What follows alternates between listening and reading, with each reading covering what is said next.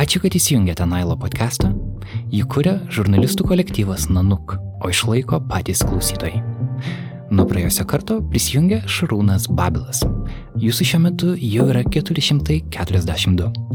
Jeigu jūs norite palaikyti mūsų žurnalistinius darbus, prisijunkite adresu patreon.com slash nanukmultimedia. Kaip vienas žodis. Aš esu Karolis Višniauskas, o čia yra šios savaitės epizodas. Normanas Maileris, kiek žinau, yra pasakęs, kad kuo ilgiau gyveni, tuo mažiau bijai mirties. Jaunystė labai bijojau, dabar žymiai mažiau. Nenoriu kančios, nenoriu sunkaus mirimo, niekas to nenori. Bet jeigu sakyčiau, sakytum, eit, eičiau ir suklupčiau ir, taip sakant, prarašiau sąmonę, kas dažnai irgi da, daugam pasitaiko, tai prieš tokią mirtį nieko prieš neturiu.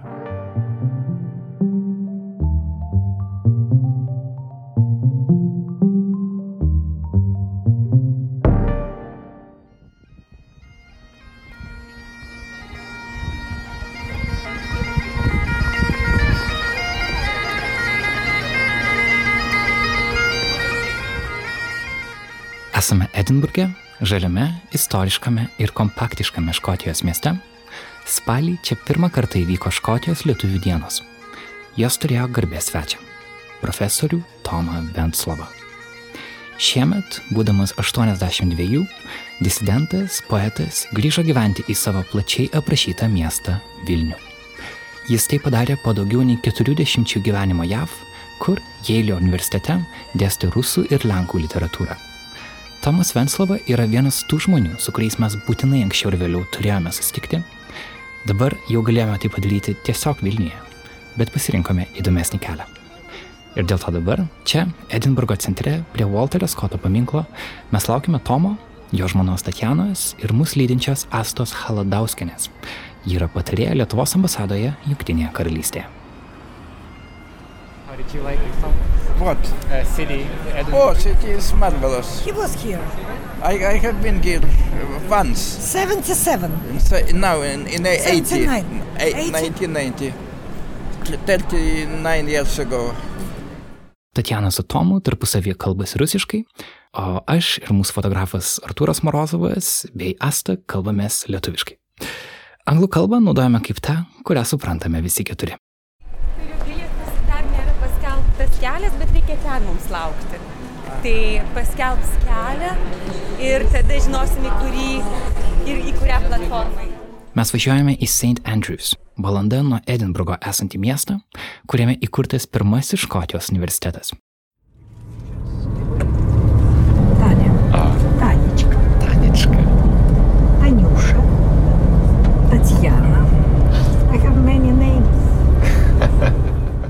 Viešumoje Tomą Venslovą esame įpratę matyti vieną, bet šioje kelionėje pajaučiame, koks stiprus yra jo ir žmonos Tatjanos ryšys.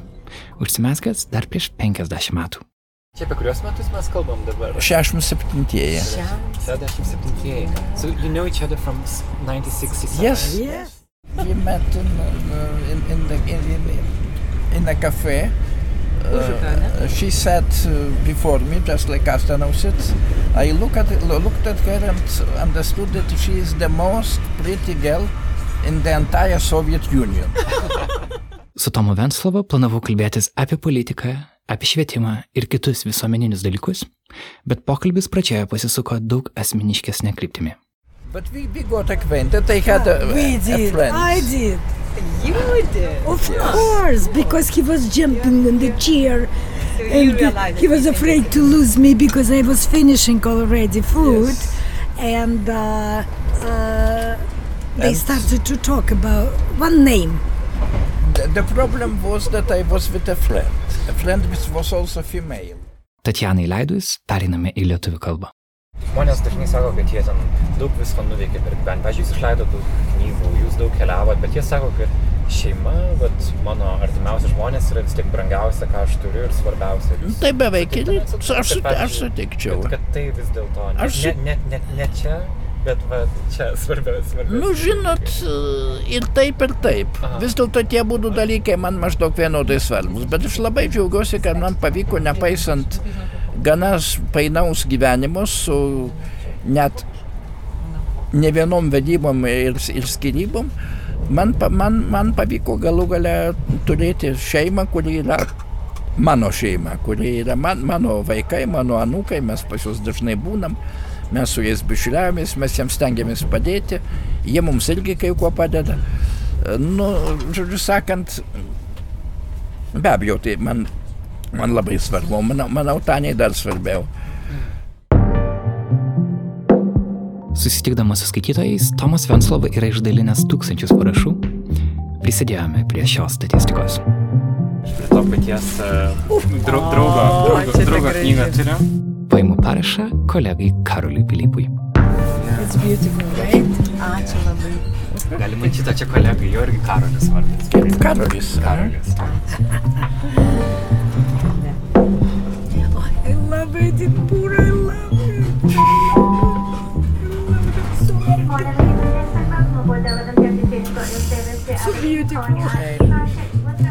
Knygų bazė Goodreads randa 47 Tomo Venslovo knygas lietuvių ir lenkų kalbomis.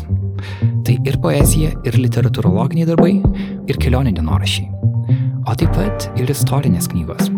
Venslovos Vilnius asmeninė istorija tapo be nebūtina kiekvienam Vilniečiui perskaityti jo knygą. O užpernai išleista, nelyginant Šiaurę magnetą, yra didžiulė 500 puslapių Tomo Venslovos biografija, leidžianti suprasti praėjusio amžiaus Lietuvos istorijos sudėtingumą, kurią paties Venslovos asmeninė istorija labai gerai įkūnija. Rašytojo tėvas Antanas Venslova buvo pirmosios Lietuvos sovietų vyriausybės švietimo ministras ir sovietinės Lietuvos rašytojų sąjungos pirmininkas. Jis tikėjo komunizmu, kaip ir pats Tomas Venslova, iki maždaug 20 metų. Bet vėliau Tomą ši sistema pradėjo dusinti tiek, kad būdamas 39 jis ryžasi padaryti kai ką labai reto. Jis ryžasi palikti Sovietų sąjungą ir tapo ją garsiai kritikuojančių balsu. Šią žiemą Tomas Venslova užbaigė ir kitą savo gyvenimo darbą, parašė dviejų dalių Lietuvos istoriją nuo maždaug 10 tūkstančių metų prieš mūsų erą, kai tokio žodžio kaip Lietuva apskritai nebuvo, iki dabarties. Lietuvos istorija visiems. Taip ši knyga yra pavadinta. Nu, mano sritis yra žinoma literatūra, aš į istoriją, kai įlindau, tai jaučiausi truputį nejaukiai, kad žmonės pasakys ne jos sritis, kam, ka, kam jis čia reikalingas.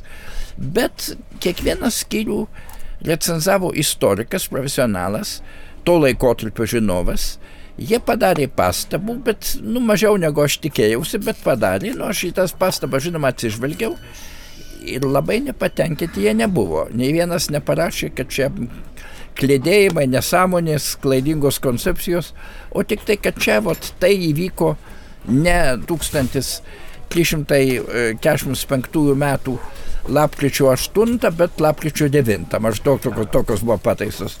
Ir, nu, teko pataisyti. Pa, na ir dabar aš esu tikras, kad visi skyriai yra daugiau mažiau atitinka tikrovę. Keliaiviai atsisuka, turime kalbėti tyliau. Visi skyriai daugiau ar mažiau atitinka tikrovę ir, nu, taip per daug man tos knygos negėda. Tas pats ir su antrojo tomu. Antrąjį tomą irgi kiekvieną skyrių peržiūrė profesionalas. Vienas žmogus, kuris užsieima istoriją, man pasakė, kad knyga turi tris gerus bruožus. Pirmasis, ji parašyta sklandžiai ir lengvai skaitosi. Nu, tikiuosi, kad taip ir yra. An, antras, kad joje daug yra kalbama apie europinį ir pasaulinį kontekstą. Kad ne tik kas vyko tuo metu Lietuvoje, bet kas vyko aplinkui. Ir kaip tai veikia Lietuvą.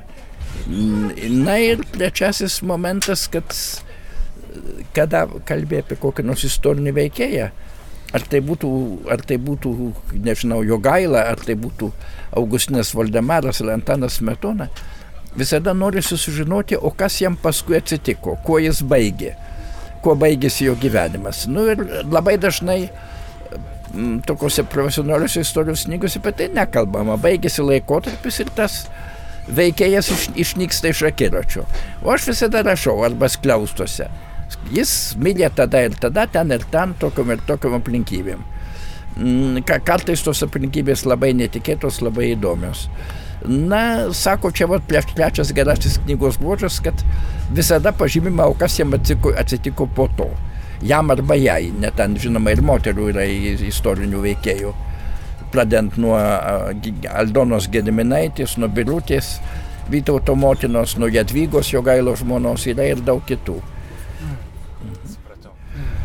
Jau turbūt lipsim, ar ne? Okay. Uh, yeah, we're gonna, we're gonna Да. leave soon. Что-то упало Gerai, там tai на, на sustabdau пол. šitam momentui. Pasiekę St. Andrews, nueiname prie katedros. Čia pastatytas dar 12 amžiuje. Greta grįvėsių yra siauras apžvalgos bokštas. Tomas Venslova siūlo žlipti ir pirmas parodo pavyzdį kaip. Jo. Sakėt, 160 laiptų?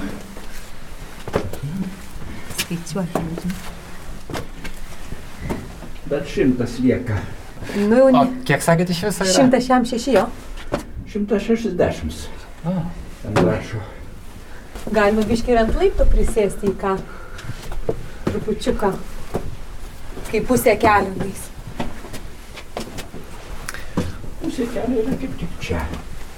Ant šito laipto. Nu va, gal prisėskit biškai.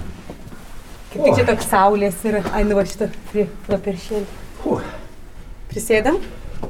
Jeigu nori, prisėskit. Mes tai ne. Bet čia gnai dėl jūsų. Ne, ne. nieko. Pamatuoti jėgas.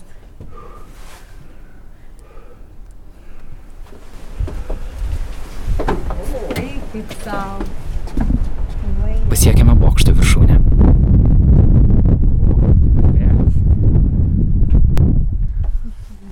Ten tas pilis, kasel.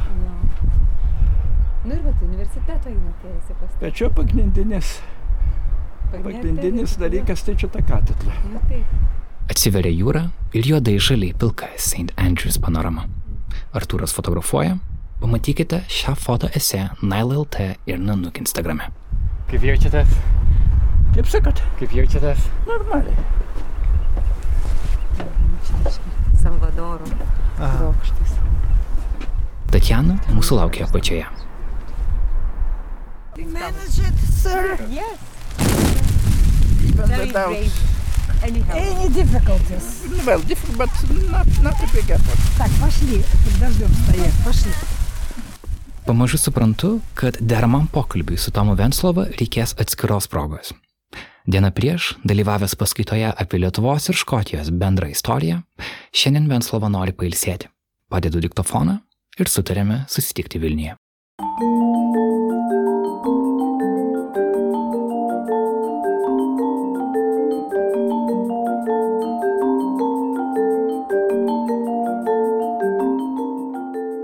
Susitikimo dieną Tomas paskambina. Atleiskite, šiandien negaliu. Esu ligoninėje. Nieko rimto.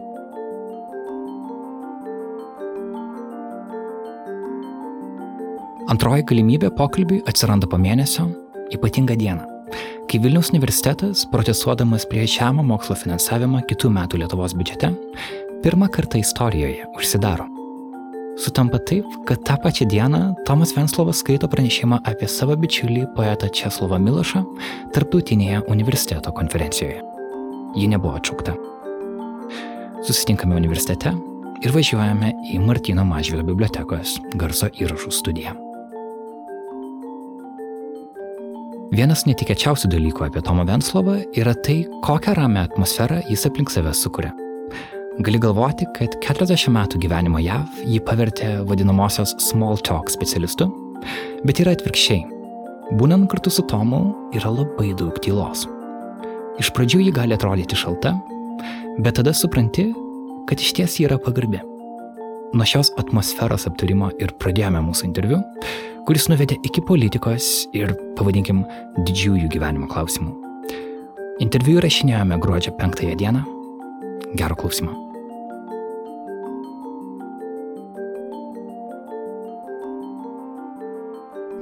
Aš jūs taip e, familiariai kreipiuosi tarsi Tomai, bet iš tikrųjų labai, labai džiaugiuosi, kad šitiek atrodo apkeliavam skirtingų šalių ir uh, vis turiu šitą galimybę su jumis praleisti laiko, matyti ne tik kaip jūs, ne tik girdėti oficialius jūsų pranešimus, bet matyti užkulisės.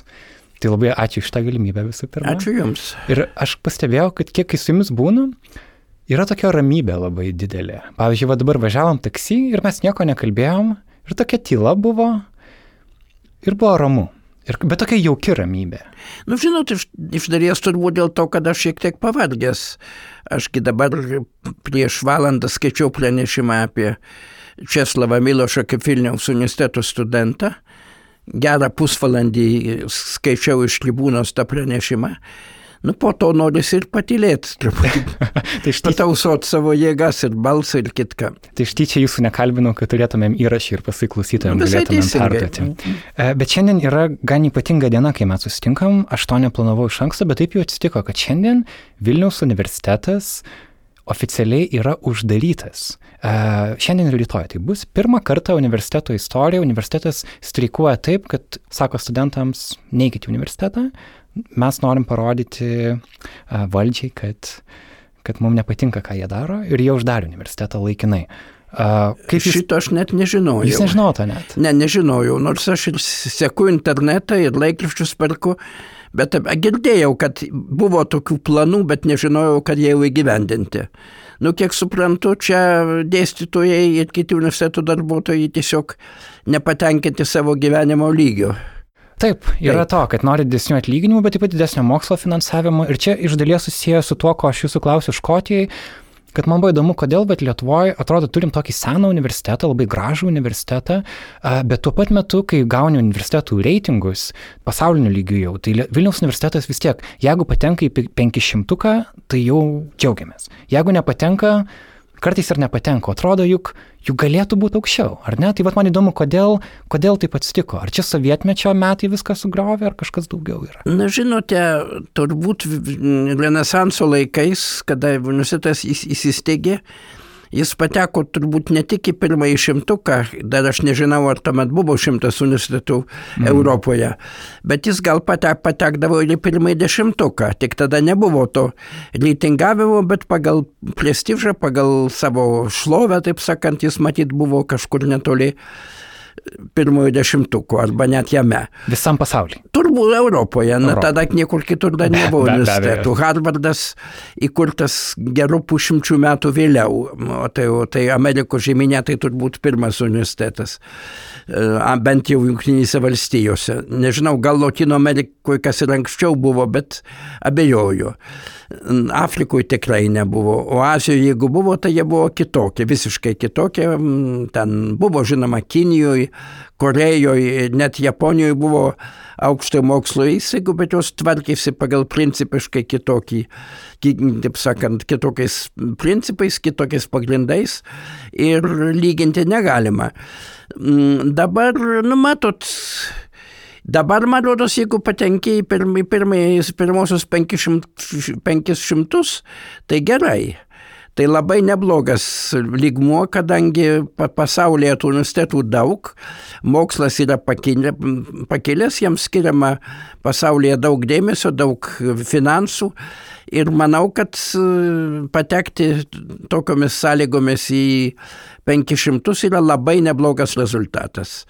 O kad dar aukščiau, nu, pažiūrėsim, iš dalies tas nu, ir nuo mūsų priklauso. Bet ne tik nuo mūsų, tai žinoma priklauso nuo švietimo politikos. Mm. Jūs Vilniaus universitete studijavote lituanistiką iš pat pradžių. Dabar, jeigu jaunas žmogus Lietuvoje norėtų studijuoti lituanistiką, pavyzdžiui, lietuvių filologiją, daug žmonių jam sakytų, ei, bet ką tu su šiuo diplomu darysi.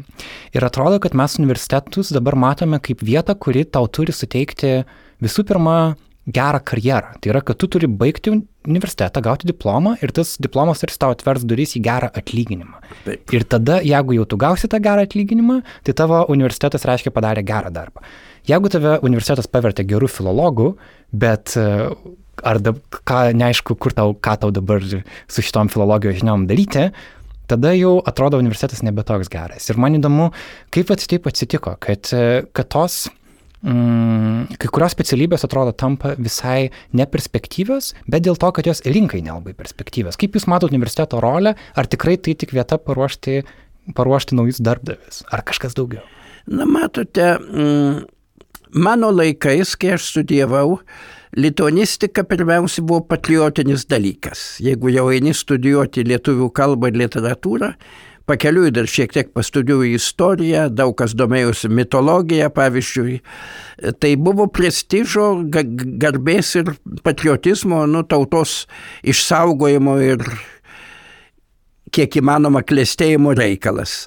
Tada mm, atlyginimai buvo netokie aukšti, daug maž suvienodinti įvairiose specialybėse ir tas klausimas nekilo, kad geriau eiti į gydytojus, nes ten daug geresnė taip sakant, daug geresni gyvenimo standartai. Nu, buvo ir tada jau gydytoms truputį geresni, iš dalies dėl kyšių, kadangi algos nebuvo didelis, bet ir filologai gaudavo tų kyšių. E, žodžiu sakant, buvo ta juodoji ekonomika. Dabar irgi yra, bet truputį kitaip atrodo.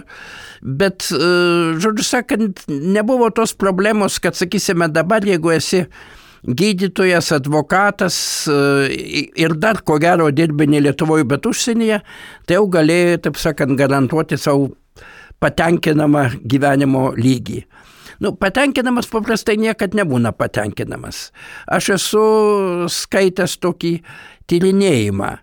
Klausinėjo mm, žmonių, pradedant nuo mm, gatvėje gyvenančių elgetų ir baigiant multimilijonieriais. Koks e, gyvenimo standartas jums būtų priimtinas, kiek jūs turėtumėte uždirbti, gauti, kad jaustumėtės gerai gyvenęs. Visi nuo Elgetos lygi multimilijonieriaus atsakydavo, maždaug pusantro kartų daugiau negu aš turiu dabar. Tai jau maždaug užtektų. nu, taip, taip, kad niekad nebus čia, kad taip užteks visiems e, reikalams, nors tu turėtum ir milijardų milijardus. Nie, niekada taip nebus. Nes žmogus yra tokia besotė būtybė.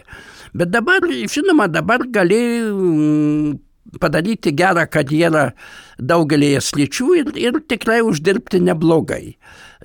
Net ir Lietuvoje, jo labiau už Lietuvos ribų.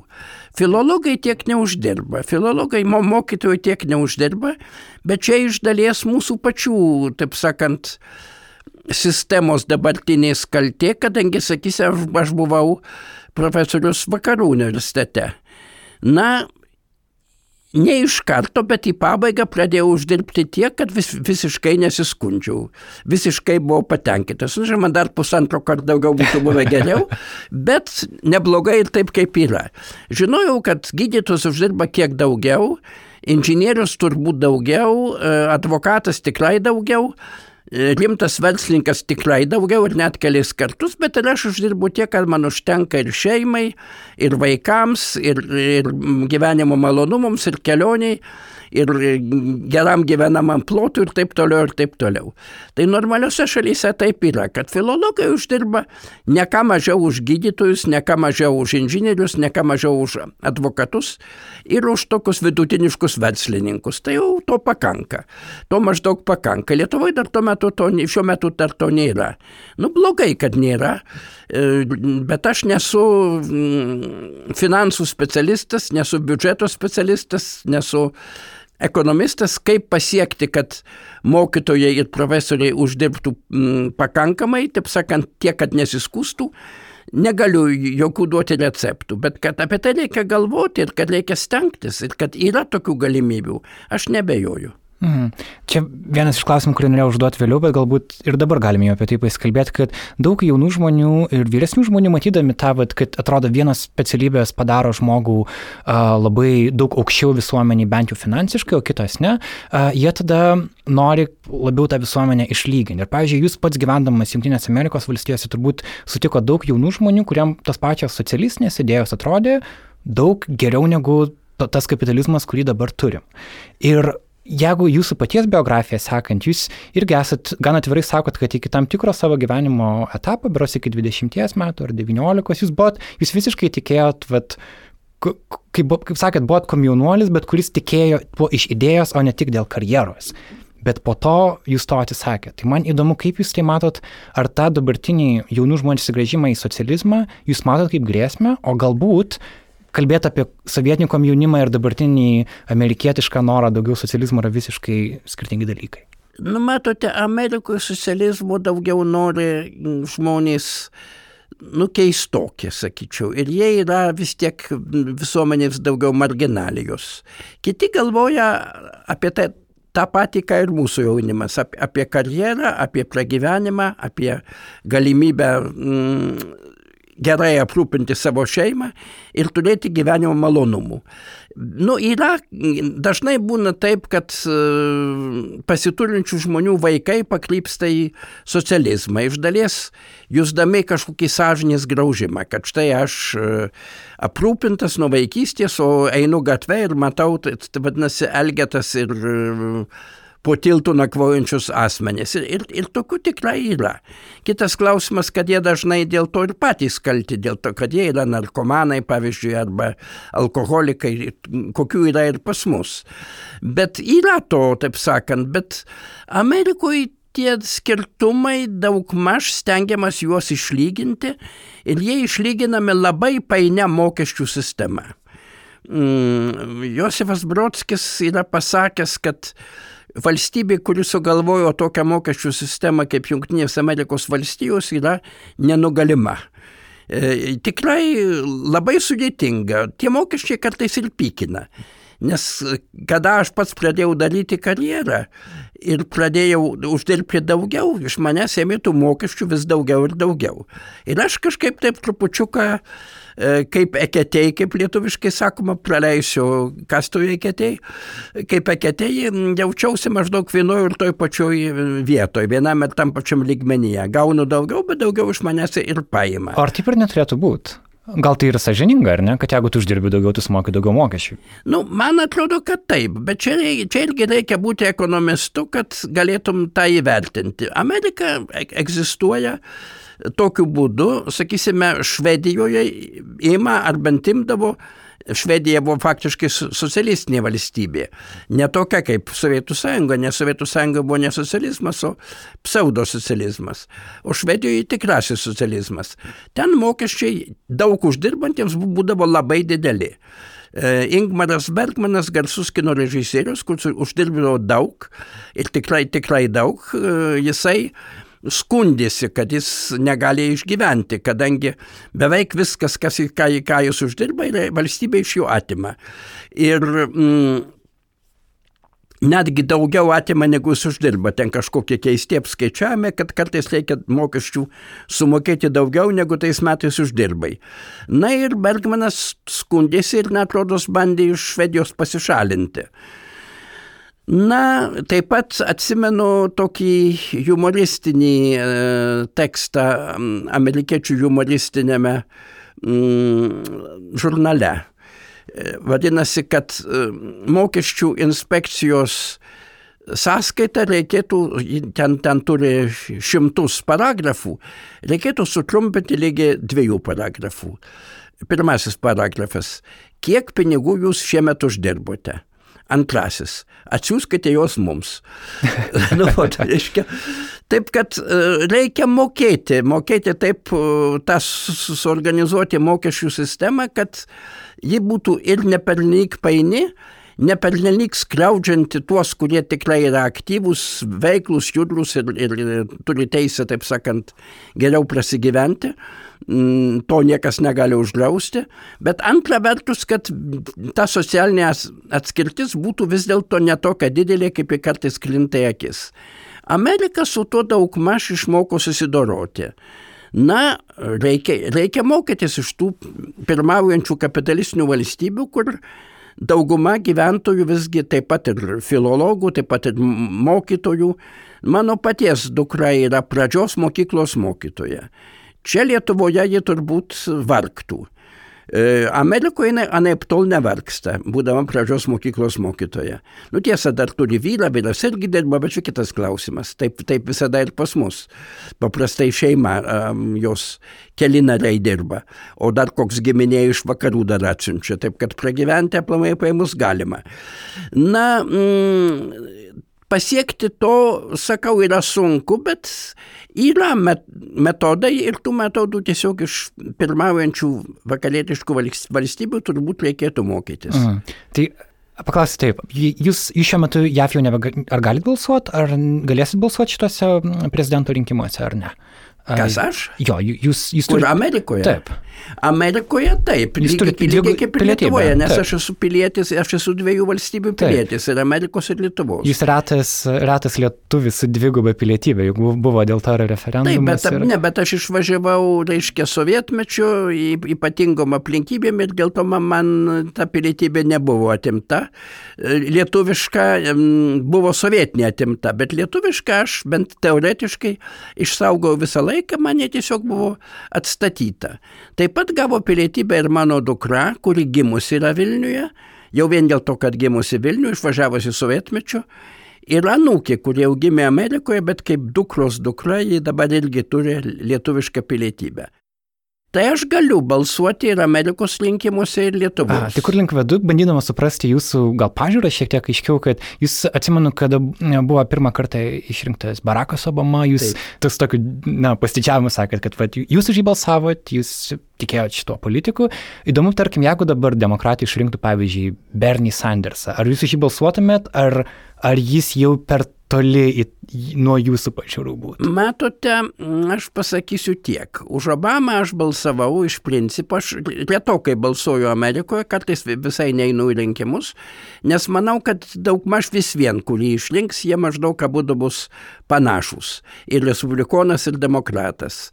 Na, už Obamą aš balsavau dėl principinio sumetimo, kad anksčiau ar vėliau Amerikos prezidentas turi būti jo, juodaodis. Amerikoje e, nėra buvę trijų rūšių prezidentų.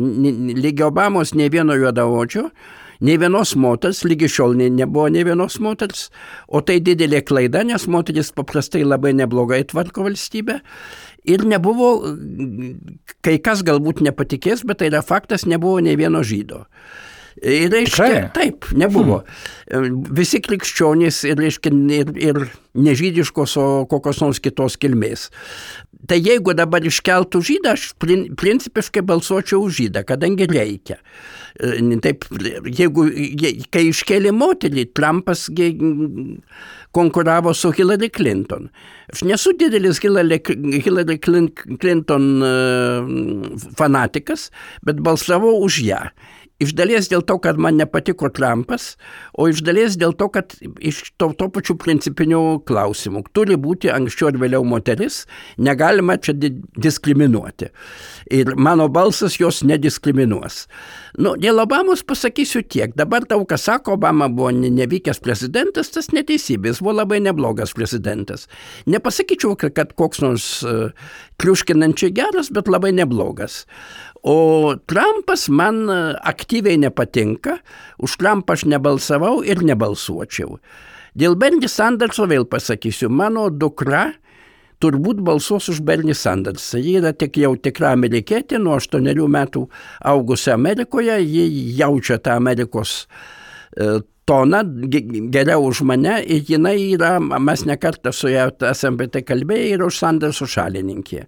Ir jūs bandėt ją perkalbėti? Ne, aš nebandžiau jos perkalbėti, ji yra lai, laisvas žmogus, gali rinktis, ką nori. Bet aš jaučiu, kad jūs už Bernį nebalsuotumėt. Aš už Bernį turbūt nebalsuočiau dėl paprastos priežasties. Jisai neturi šansų. Tai kodėl mano A, balsas turi supratau. pražūti? Gerai, tai čia visai kita logika. Nes man, kita kur aš logika. link sakau, aš atsimenu, klausiau vieną interviu su Leonidu Donskiu prieš e, e, rinkimus irgi, kada buvo dar, ne, dar neaišku, ar Hillary bus kandidatė, dar Bernie turėjo visai nemažus šansus, bet jis tada pasakė, sako, už Bernie aš negaliu balsuoti, nes sako, aš nenoriu šito socialisto. Kažkaip, aš, kažkaip jis ne, ne, nenori, galbūt net taip tiksliai jis išsireiškė, bet mintis buvo tokia. Ir tada man atėjo toks suvokimas, aha, vadinasi, Donskis save deda galbūt į demokratų pusę, bet iki tam tikros ribos. Ir aš matau, kad Lietuvoje žmonės, kartais jie mato, pavyzdžiui, tą patį Leonidą Donskį, manau, daug kas ir jūs mato kaip tokį kairės politikos tam tikrą balsą, bet jūs pats gal toks netgi nesate iš tikrųjų. Nu, matot, man sunku pasakyti. Aš tikrai nesu radikalus dešinysis. Priešingai aš laikau, kad jie labai pavojingi ir- žalingi Lietuvai. Ir labai džiaugiausi, kada radikalūs dešinėjai nesurinko balsų nei prezidento rinkimuose, nei rinkimuose Europos parlamentą. Maniau, kad surinks daugiau negu surinko iš tikrųjų. Dabar yra sumažintas tasai slengstis patekti į Seimą ir todėl turbūt į Seimą pateks bent keli radikalūs dešinieji ir nepasakyčiau, kad tai mane labai džiugintų. Nesu iš viso, iš viso nesu dešinysis, sakysim, Tėvinės sąjungai nepriklausau ir ne visada simpatizuoju, sakyčiau taip. Nu, nepriklausau jo, jokiai partijai. Bet esu, bet esu liberalių požiūrių žmogus, net daugiau ne ekonominė prasme, o e, tolerancijos prasme, tolerancijos prasme. Man nepatinka rasizmas, man nepatinka nacionalizmas, e, toks griežtas nacionalizmas. Mane dažnai vadina kosmopolitu, nu aš į tai galiu tiek atsakyti. Mano manimu, kosmopolitas yra protingas nacionalistas. Jis, yra, jis žino tai, ko jo tautai reikia, kad jinai klestėtų. O reikia įsijungti į bendrąją pasaulio eigą. Kitaip jinai neklestės ir galų galę nusmuks į Irano arba netgi Šiaurės Korejos lygmenį. E, tai va, ta, tik ta prasme esu kairysis. Nu, ne, sakyčiau, net ne kairysis nedešinysis. Va taip. Bet ar tai yra dėl to, kad jūs matėt Sovietų sąjungos pavyzdį? Nes, pažiūrėjau, jūsų dukra, sakot, kad jinai balsuotų už Bernį ir galbūt dėl to, kad ji nematė to, ką jūs patyrėt, nes dalis žmonių sako, kad, aha, taip gražiai skamba socialistinės idėjos ant popieriaus, bet žiūrėkit, kas atsitiko Sovietų sąjungoje, žiūrėkit, kas nutiko kitur pasaulyje. Sovietų sąjungoje socialistinis idealas nebuvo įgyvendintas ir bolševikai jo ir nesirengė įgyvendinti. Buvo įgyvendinta tokia savanaudiška sistema, kuri tiko tik tai partijos nariams ir tai dar toli gražu ne kiekvienam, faktiškai partijos viršūniai. Valdžia buvo užgrobę niekino nerinkti asmenys, kurie patys save, kaip sakoma, išsirinko, patys prasistumė, mm, kartais net žudydami vienas kitą, prasistumė į viršų ir e, tvarkė šalį tik tai faktiškai savo pačių naudai. E, tai nebuvo socializmas, jokių būdų. Socializmas buvo Švedijoje, socializmas daugmaž leiboristų mm, partijos laikais, daug socializmo buvo Anglijoje. Jis kartais pasiteisina, kartais nelabai pasiteisina, bet, bet kokiu atveju tai neturi nieko bendro su sovietinė sistema, kuri yra melaginga, paremta teroro apgaulę, o visiškai nerūpeščių darbo žmonėmis. Apie Sovietų sąjungą sakė, kad SSRS, kad e, meluoja visos keturios raidės. S tai reiškia sovietinė, valdo ne sovietai. Sovietai yra tarybos, nu yra tenai rajono taryba, miesto taryba, jos jokios realios valdžios neturėjo ir galų gali nieko labai baisaus tenai nebuvo tose tarybose. Bet e, valdė ne jos, valdė, valdė partija. Ir tai dar ne, ne, ne, ne kiekvienas partijos lygmo, o tik pats aukštutinis, kuris duodavo įsakymus. Socialistinių respublikų sąjunga, socialistinių, jokio socializmo. Nors e, herbas yra kūjis ir pjautuvas, nu dabar uždraustas simbolis, nelabai suprantu, kodėl jį reikėjo uždrausti. E, kūjas reiškia darbininkų klasę, pjautuvas reiškia valstiečius. Nei darbininkai, nei valstiečiai, taip sakant, nėra kažkokios neigiamos visuomeninės jėgos. Ta pati herba, tarp kitų, turi Austrija. Austrijos vėliavoje, kiek žinau, net yra kūjas ir pjautuvas. Tai ta Austrijos vėliava ir sugalvojo tą herbą visai ne bolševikai, bet Austrijos socialdemokratai. E, na, bet, nu, uždraudė, uždraudė. Įstatymas yra įstatymas, aš to, to herbo, taip sakant, nenaudoju ir kitiems nepatariu. Bet tai nieko bendro neturėjo su rūpeščių darbininkų ir valstiečių gerovė. Toliau sąjunga. Ne sąjunga, bet imperija respublikos. Ne respublikos, bet geriausiu atveju gubernijos. Žodžiu sakant, visos keturios raidės meluoja. Todėl, e, jeigu kas turi socialistinių polinkių, tai visiškai nebūtinai reiškia, kad tai yra sovietiniai polinkiai, visiškai nebūtinai. Bet ir jūs nejaučiate, kad Lietuvoje norima parodyti, kad tai yra tas pats, kad jeigu tu turi idėją, kuri yra ar labiau kairė pusė, tave būtinai susijęs su Sovietų sąjunga, sakys, ar tu ilgėsi Sovietų sąjungos, nu, kad tai, tai yra čia, čia, jau paralelu. yra, čia jau yra dešiniųjų, taip sakant, politiniai manevrai. Tai yra labai lengva, labai lengva kovoti su savo konkurentais, apšaukiant juos Putino šalininkais, Putino šnipais, rusų rusų agentais, nostalgiškai nusiteikusiais sovietizmo atžvilgiu. Pasitaiko ir to be abejo. Jums pasitaikė, jums yra asmeniškai pasitaikė, kad jūs laikytų kokią nors Putino, Putino balsų Lietuvoje, ar, ar jūsų statusas yra virš to? nesupratau. Sakau, ar tai, pavyzdžiui, prieš jūs pačius jautėt, prieš jūs patį jaučiat, kad buvo tokių bandymų nu, matote, kažkaip būna, diskredituoti? būna anoniminių interneto komentarų. Jūs skaitot juos. Kartais paskaitau, jie man suteikia adrenalino. Kai, kai paskaitau piktą, tokį tiesiog pasiutusio šuns seilėmis parašytą komentarą, tai galvoju, nu matyt, gerai pataikiau, matyt, aš labai tą asmenį įpikinau. O aš ir siekiu tokius asmenys įpikinti, tai yra mano tikslas. O, o kodėl jūs nenorit su jais susitraugauti ir sukurti Nu, Manau, gal vienybės Lietuvoje? Gal reikia, gal reikia ieškoti bendrumo, o ne... Vienybės niekada jokio visuomeniai negali būti ir neturi būti. Būtent prieštaramai, kova, konkurencija, mm, skirtingos nuomonės, net diametraliai skirtingos nuomonės yra tai, kas suteikia visuomeniai gyvybę. Todėl negalima drausti, mano manimo, nei kraštutinės dešinės, kuri man visai nepatinka, nei kraštutinės kairės, kuri man irgi nepatinka. Bet reikia tikėtis, kad jeigu joms bus duota laisvė, tai jos virs marginaliomis, jos, taip sakant, ni- niekada neužkariaus gyventojų daugumos. Nu, nebent kokia būtų kraštutinė krizė, taip kartais būna. Sakysime, Vokietijoje buvo krizė pralaimėjus e, pirmąjį pasaulinį karą, didžiulė krizė. Nu, pinigus skaičiavo milijonais, bet už juos nieko nebuvo galima nusipirkti ir taip toliau, ir taip toliau. Tai buvo fantastiška infliacija tada Vokietijoje. Ir tos krizės pasiekoje valdžią paėmė Hitleris. Rusijoje buvo krizė dėl, irgi dėl pirmojo pasaulinio karo. Mm, Labai sunkaus ir faktiškai karo, kurį Rusija pradėjo pralaimėti. Taip pat ir mm, ekonomika buvo netvarkoje ir š- šalis pateko į tokią gilę krizę, kad valdžią galų gale pavyko paimti bolševikams. Bet tokie atvejai būna pakankamai retai. Paprastai kraštutiniai srovės būna marginalios. Nu, jas reikia stabdyti tada, kai jos reikalauja prievartos, kai jos, taip sakant, bando prievartą vykdyti savo programą. Tada jau reikia stabdyti įstatymo keliu. Bet kol jos tik dėsto savo nuomonės, tegu dėsto. Tegu dėsto nieko baisaus. Truputį net išleidžiamas, taip sakant, e, net slėgimas sumažėja, kada, kada galima išdėstyti, išdėstyti savo nuomonės. Na, e, bet manau, kad tai, kad dažnai labai kaltinama žmonės, kad tai yra sovietiško raugo asmenys, tai yra Putino agentai, sakau, 10 procentų mm, tai būna teisybė, bet 9 procentų tai yra tik tai politiniai manevrai, bandant sušlykštinti savo priešininkus.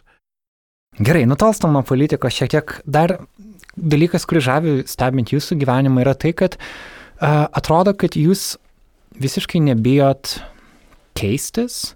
Uh, pavyzdžiui, man domintis jūsų biografiją labai paliko įspūdį faktas, kad jūs į JAV išvykot būdamas iš esmės 40 metų, kas atrodo, na, mums tarsi peršamas gyvenimo supratimas yra tas, kad tu iki tam tikro gyvenimo momento tarsi turėtum kažkokias kažkaip kabutėse susitvarkyti savo gyvenimą, ar ne, kad, va, jeigu tau, nežinau, 30 metų, tai jau turėtum turėti šeimą, turėtum gal vaiką, turėtum, turėtum darbą, jau turi siekti kažkokios ramybės, stabilumo gyvenime. Aš galvoju, jūs buvo, jums buvo 40 metų, jūs nuvykstate į Junktinės Amerikos valstijas iš sovietinio pasaulio, patenkate į visiškai naują pasaulį, apie kurį negalėjo daug žinot.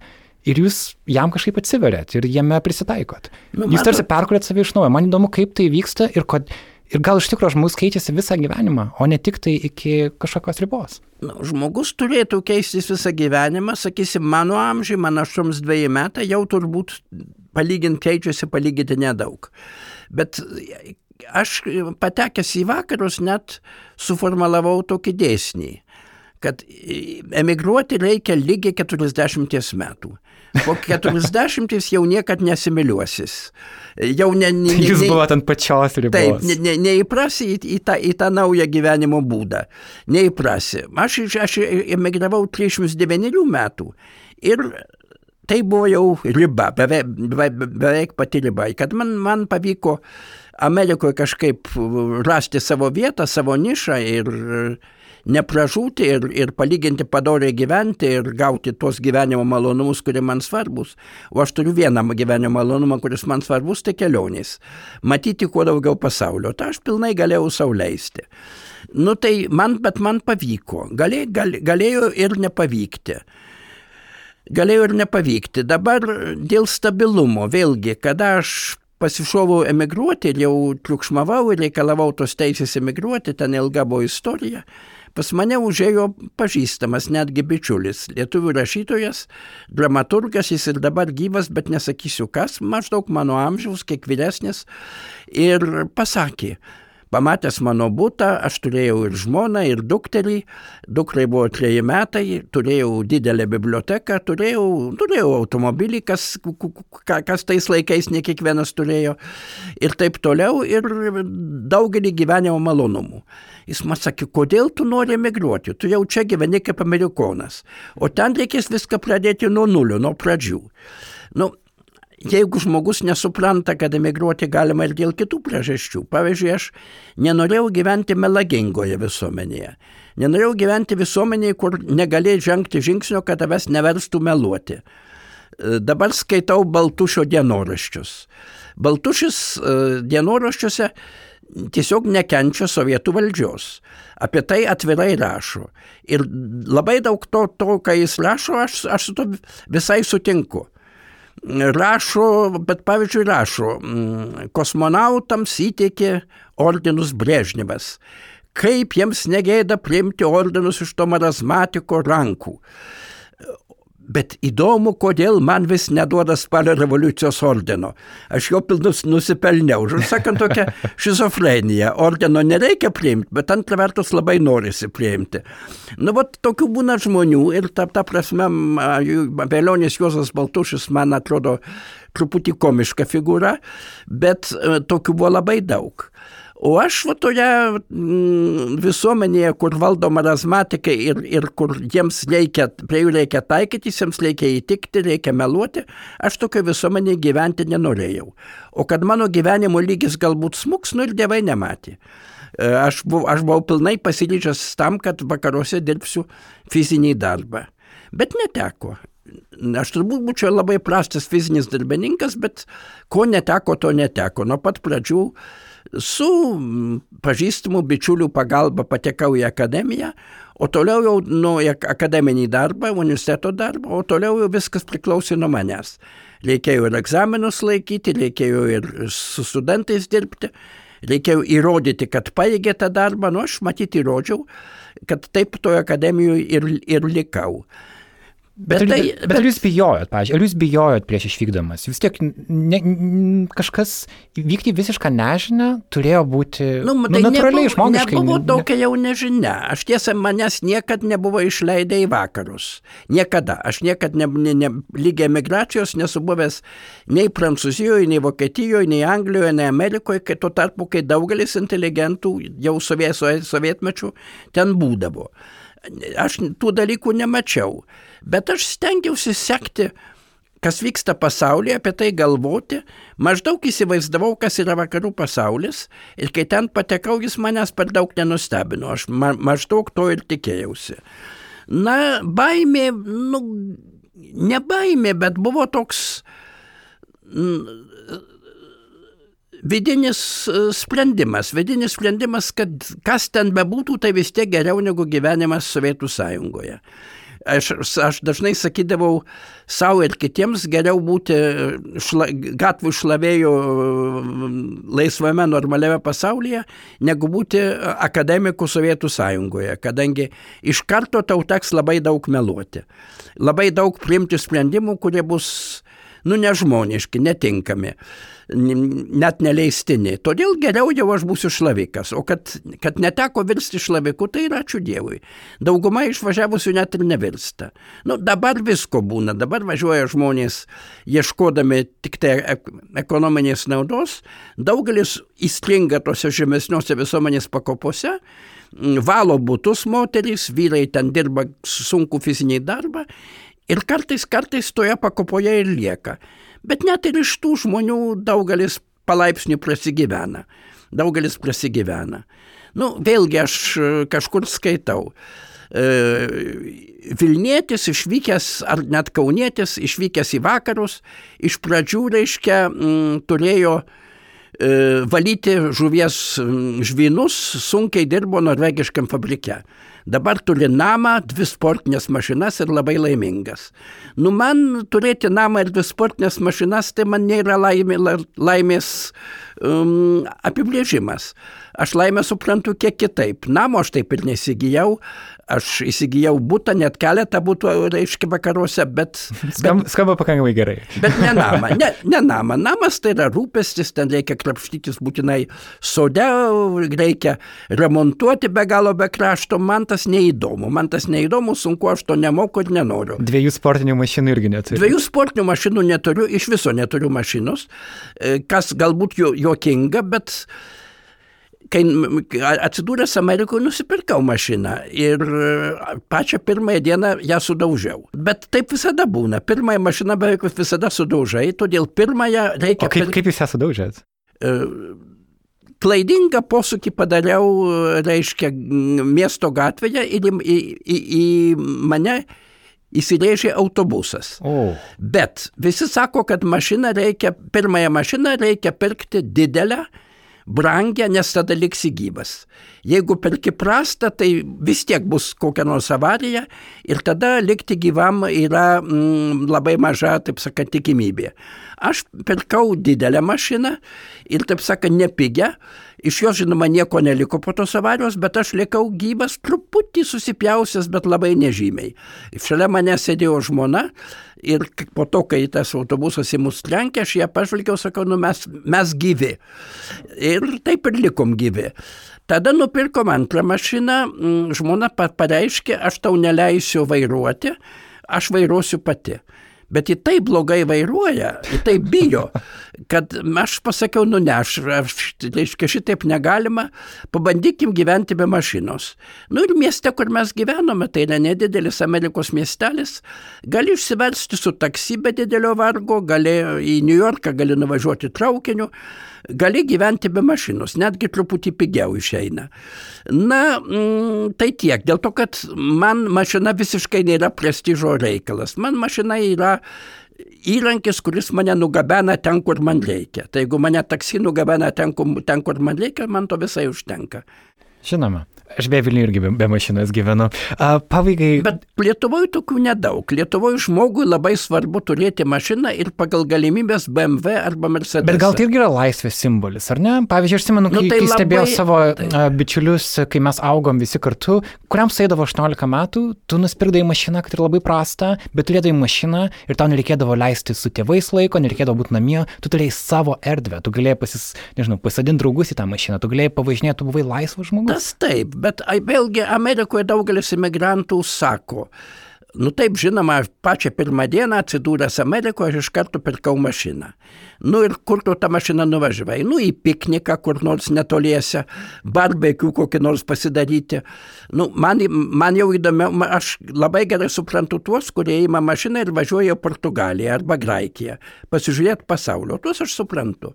Bet tarp kitko, gali, gali, gali ir lėktuvu tenai nuskristi, gali ir traukiniu tenai nuvažiuoti ir pamatysi maždaug tą patį. E, nu, gal truputį brangiau bus, kitas klausimas.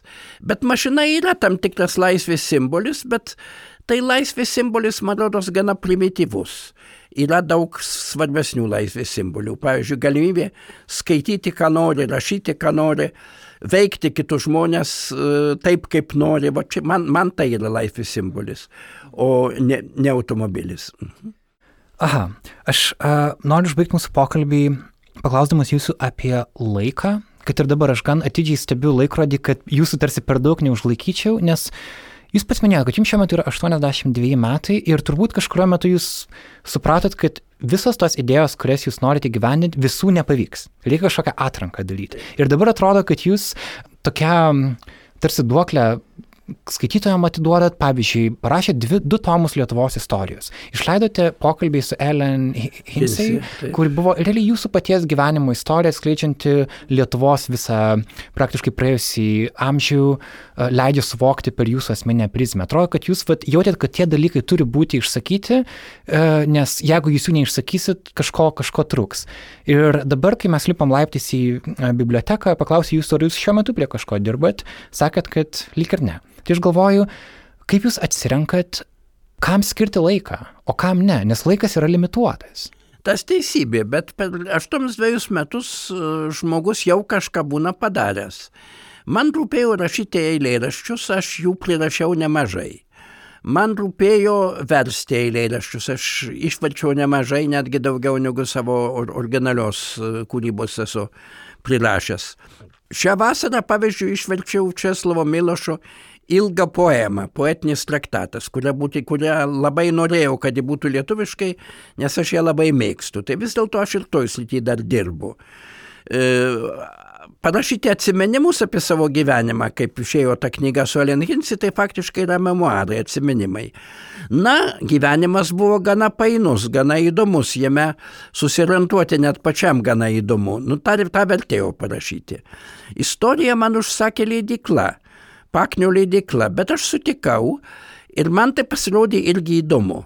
Ir pasirodė darbas naudingas, kadangi mūsų e, skaitanti publika, kas matyti labai dažnai iš, iš interneto, iš kitur, e, istoriją suvokia kaip sirgaliai, kaip Mūsiškiai turi laimėti, Taip, taip, taip, taip. o priešai turi pralaimėti, mūsiškiai yra puikūs, o priešai yra baisūs.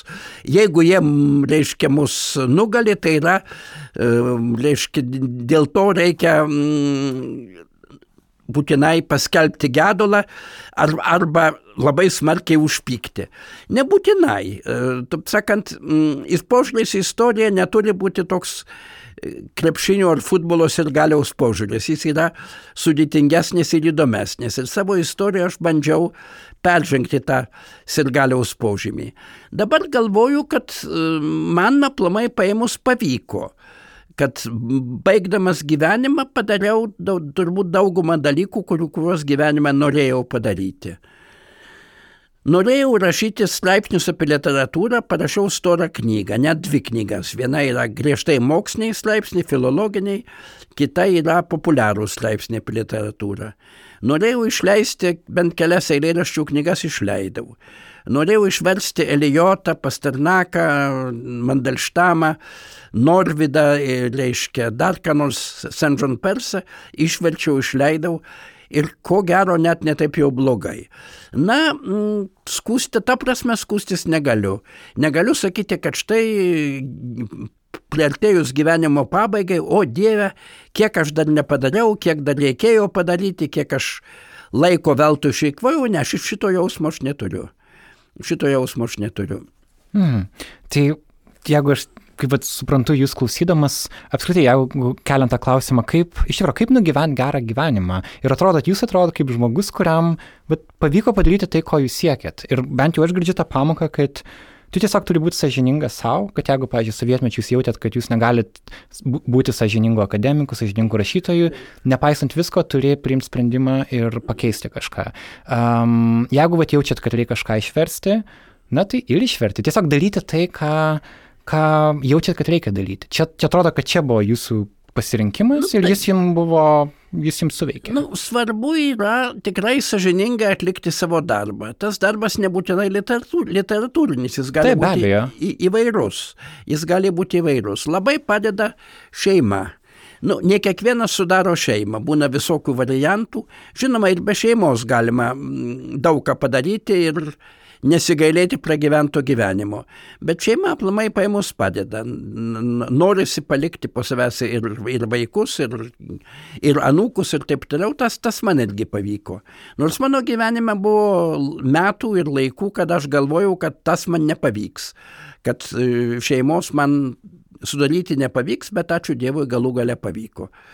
Na, o jūs teisingai sakote, sažiningas požiūris į gyvenimą, sažiningas požiūris į savo darbą labai padeda mm, tam, kad jaustumės tą gyvenimą neveltui pragyvenęs.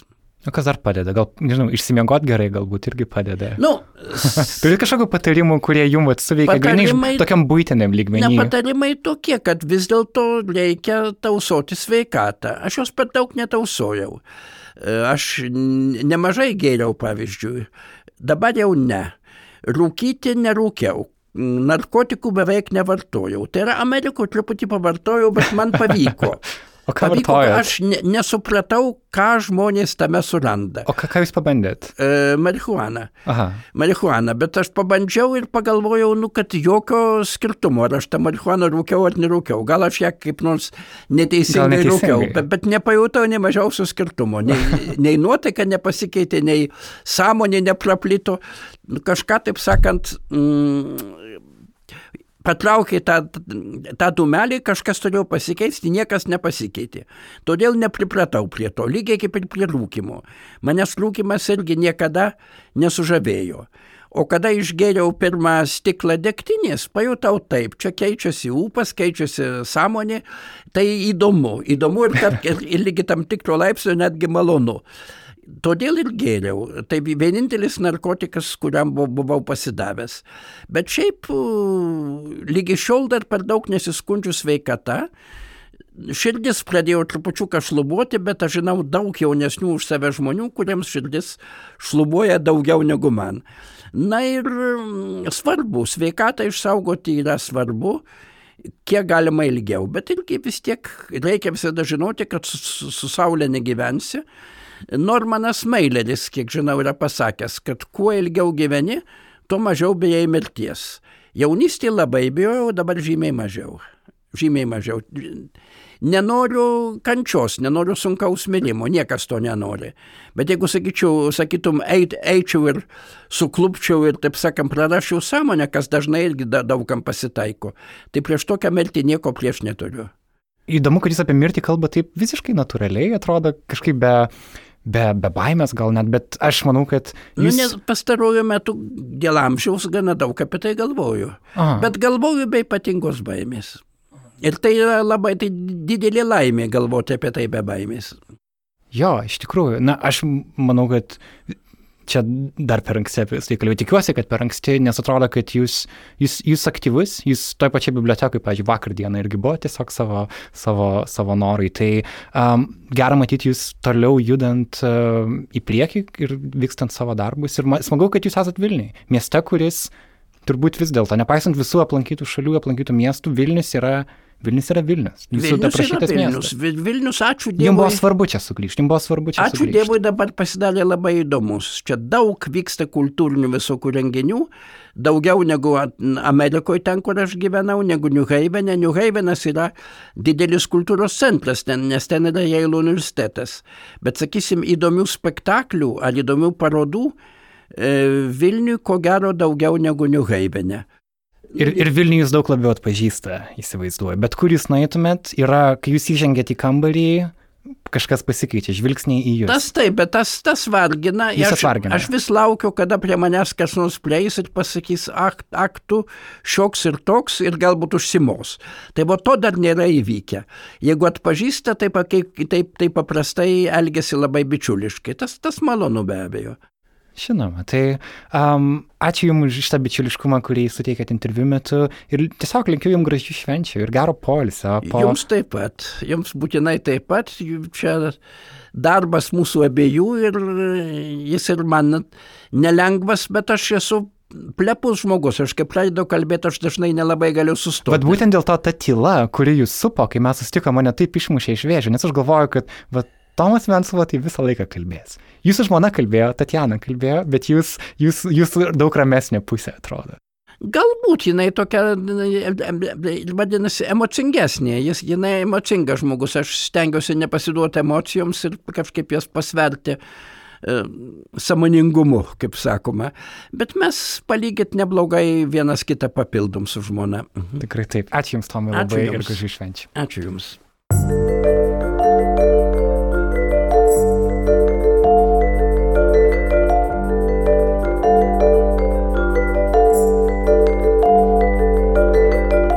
Ačiū, kad buvote kartu. Primenu, kad šį epizodą lydi foto istorija, kurios autoris yra Artūras Morozovas. Pamatykite šias Škotijos nuotraukas NileLT ir Nanuk Instagrame.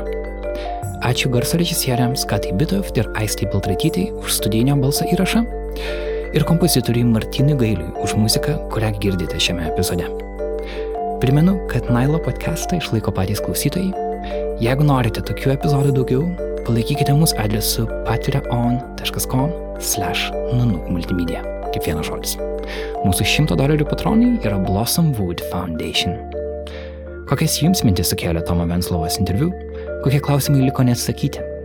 Parašykit mums į info.nanuk.lt arba į Nanuk Facebooką. Labai lauksime. Šį epizodą rengiau aš Karolis Višniauskas. Iki metų pabaigos jums paruošime dar du Nailo podcastus. Iki greito susiklausimo juose.